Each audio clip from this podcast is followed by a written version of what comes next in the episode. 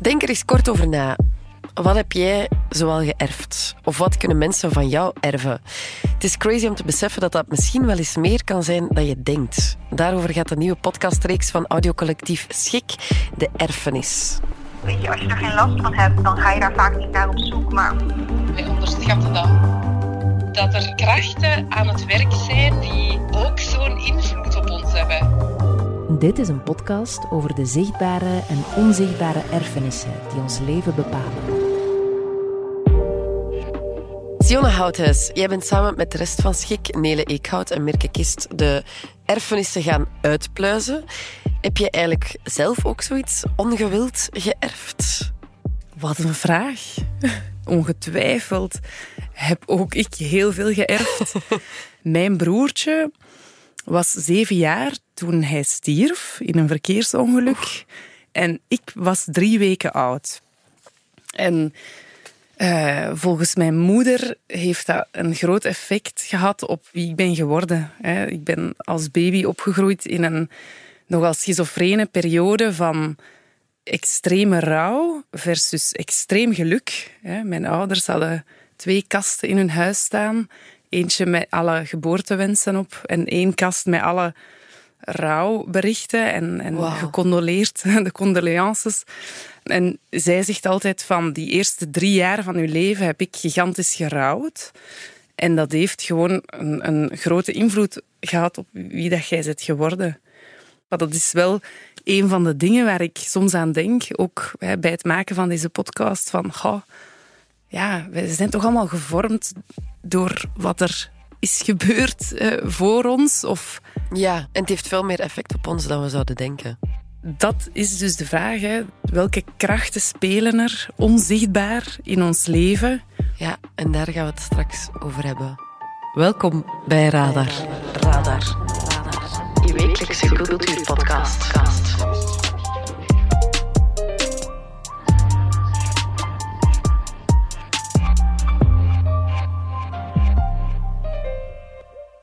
Siona, we kennen jou en audiocollectief Schik van waanzinnig goed beluisterde podcasts als Bob, Laura H., El Tarango.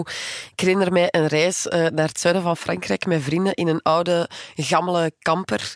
En tijdens die trip waren we El Tarango aan het luisteren. Wij zaten echt op het puntje van onze stoel en wij wilden maar geen... Wij konden gewoon geen pauze nemen, omdat wij zo graag eh, de volgende aflevering wilden luisteren. En ook gewoon elke aflevering zo eindigde met een gestoord sterke cliffhanger. Mag ik zeggen dat jullie ook een beetje de pioniers van het eh, Vlaamse audiolandschap zijn? Dat is een groot woord, maar wij waren Zonder zeker, eh, wij waren zeker bij het begin erbij. Wij zijn wel de eerste Nederlandstalige podcast die één verhaal over meerdere afleveringen vertelde. Ja, Dat was dus met met, Bob. Een Bob. Bob. Bob. Bob. Een Bob. Bob. Ja, zo heet hij. Zo heet hij. Zo heet hij. Zo Het was december 2017 toen die gelanceerd werd. En wij moesten toen absoluut nog aan iedereen uitleggen wat een podcast was. Ja. Je moet je inbeelden, kranten schreven... Podcast, wat is het? ja, wij moesten aan iedereen uitleggen wat onze job was. Oh, en kun je daar dan geld mee verdienen? Helaas nog steeds niet, echt. Maar ja, nog maar zes jaar geleden zaten we in een heel ander tijdperk. ja, het is echt En- nog pril eigenlijk. Ja, Ja, en nu, vandaag eigenlijk, laten jullie op het podcastfestival van de Standaard jullie allernieuwste reeks, De Erfenis, op de wereld los. Hoe spannend is dat? dat is gigantisch spannend, omdat het voor ons ook een experiment is in vorm. Mensen kennen ons van onze reeksen. Ja, die draaien rond een mysterie. El Tarango en Bob zijn een mysterie. Ja, En een kweeste bijna. Een kweeste, dat is spannend. Eh, je wilt inderdaad naar de volgende aflevering luisteren. En de erfenis heeft echt een hele andere vorm. Daar wilden we dus rond een thema werken. Eh, we hebben heel lang gezocht naar een, een, een thema waarin we sterke verhalen konden onderbrengen. Ja, we vroegen ons af, moeten we dan altijd een mysterie hebben om een verhaal te kunnen vertellen? Wanneer is een verhaal Goeie sterk vraag. genoeg? Ja. En wij hadden ook veel verhalen in onze omgeving, in onze mailbox. En dan zijn we beginnen nadenken. Hè. We moeten echt een container vinden waarin we waar gebeurde verhalen kunnen vertellen. En de containerterm is erfenis geworden. De titel verklapt al veel, maar zeg eens, waarover gaat het juist? De erfenis gaat simpelweg over mensen die worstelen met de gevolgen van een nalatenschap.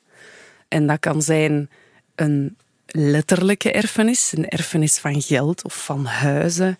Maar dat kan ook een meer onzichtbare erfenis zijn.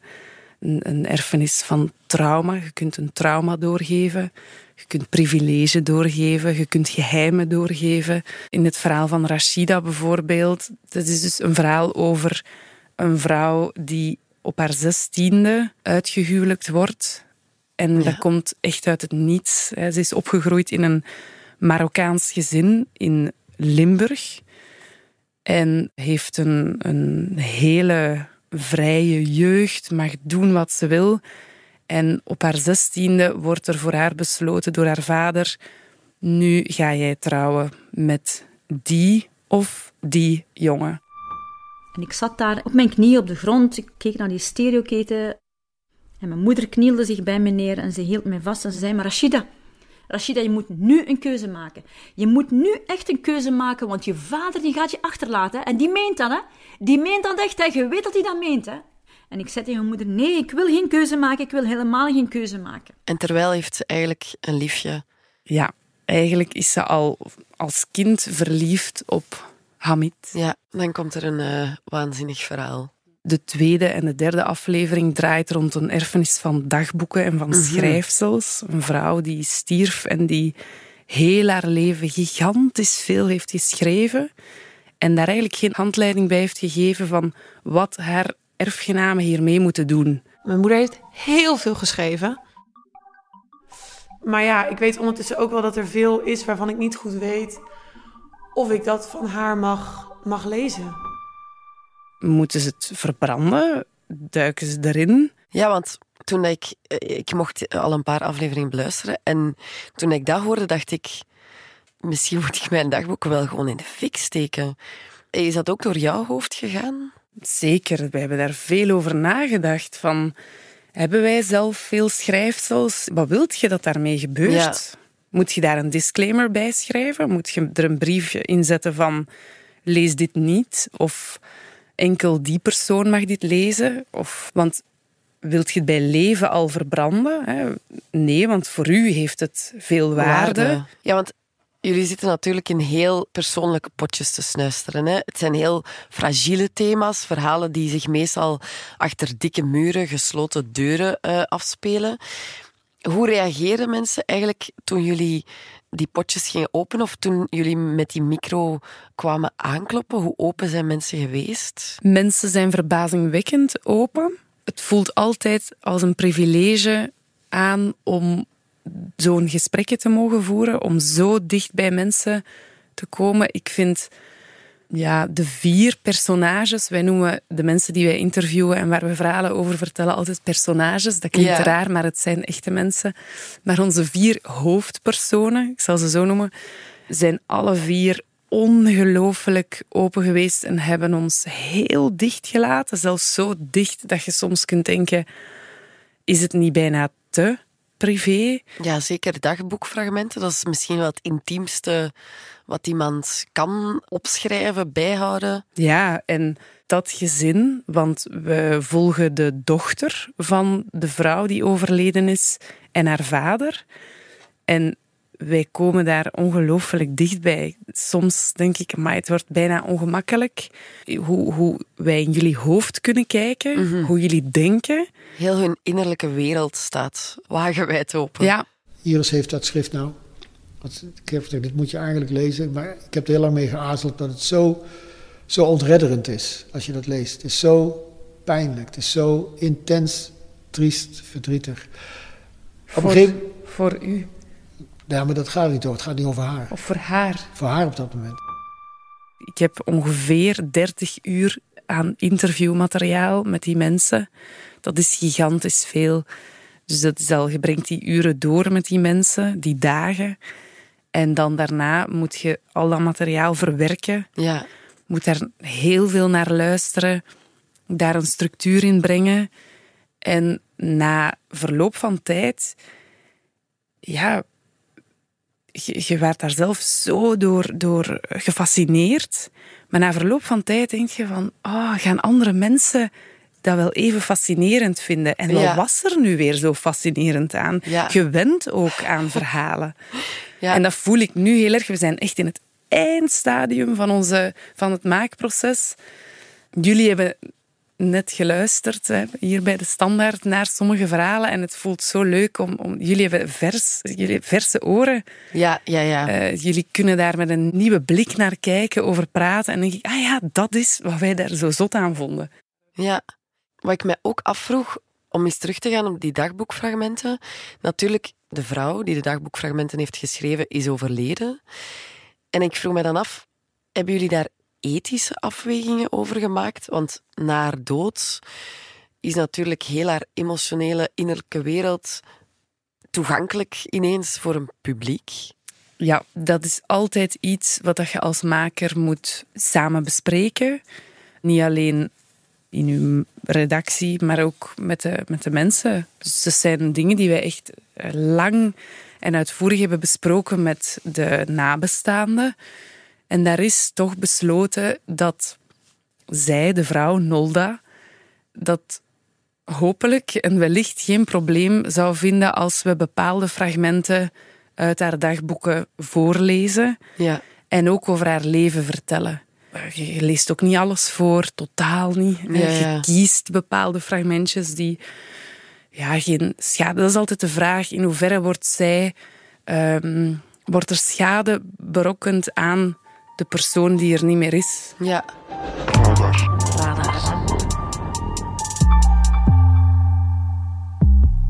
Het is de eerste keer dat jullie onafhankelijk iets gaan uitbrengen. Eh, voor jullie vorige reeks hebben jullie altijd samengewerkt met eh, VRT, VPRO enzovoort.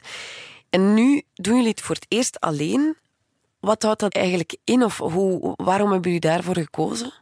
Ehm, ja, dat is een hele grote stap voor ons om het los van een omroep te doen. Een omroep geeft altijd zekerheid, een kader, heeft al een publiek, ehm, heeft een marketingafdeling. Ja, dan ben je zeker van het wordt verspreid, het, mensen gaan hier naar luisteren. Ja, en in het geval, we hebben altijd met de VPRO samengewerkt tot nu toe.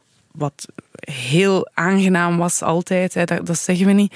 Maar we moesten met de VPRO samenwerken om bij het NPO-fonds, dat is een heel groot fonds eh, in Nederland, dat podcast ondersteunt. Ja. Geweldig.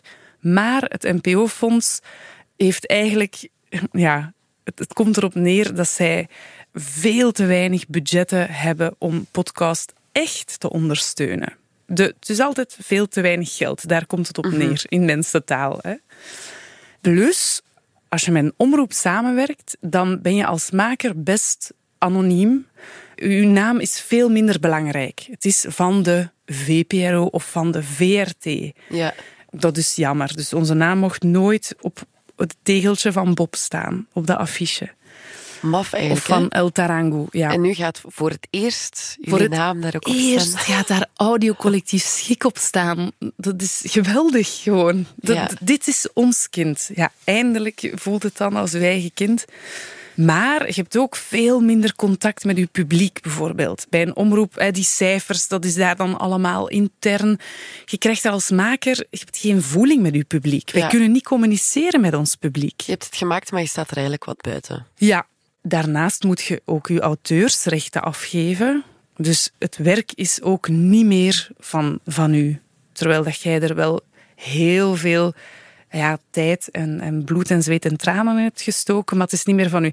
Stel nu dat een filmproducent zegt ik wil het verhaal van Bob verfilmen, wat al wel een paar keer ter sprake is gekomen. Wij zouden daar geen geld meer van trekken. Ja, buiten dan het feit dat dus Kees de Koning van Topnotch, die, dat is een groot manager, die heeft voor ons die rechten teruggeëist. 50% van die rechten. Maar dat was echt een ding. Dat hij naar de VPRO is gestapt.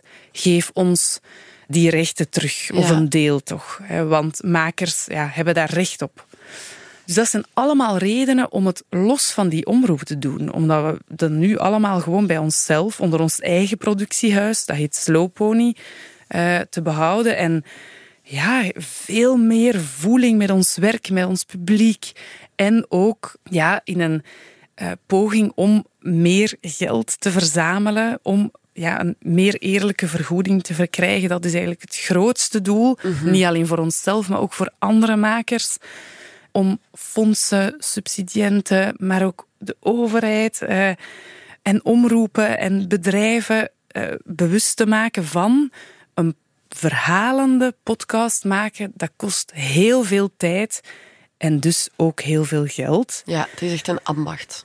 Ja, en nu is daar gewoon veel te weinig budget voor. Ja, want jullie hebben, um, jullie hebben jullie een paar maanden kunnen uitbetalen, maar eigenlijk zijn er toch ook een paar onbetaalde maanden. Ja, we zijn de laatste gekomen. drie maanden ongeveer vier dagen per week aan het werk voor de erfenis. En dat is onbezoldigd.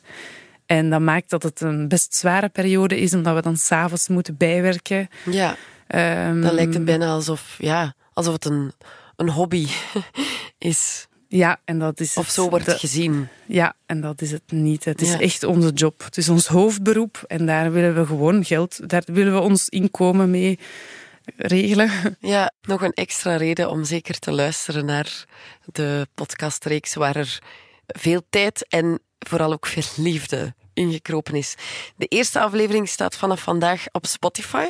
Ga zeker luisteren. De nieuwe podcastreeks van Schik, De Erfenis. Siona, dikke merci om hier te zijn. Jullie bedankt. Voilà, dit was Radar, de wekelijkse cultuurpodcast van de Standaard.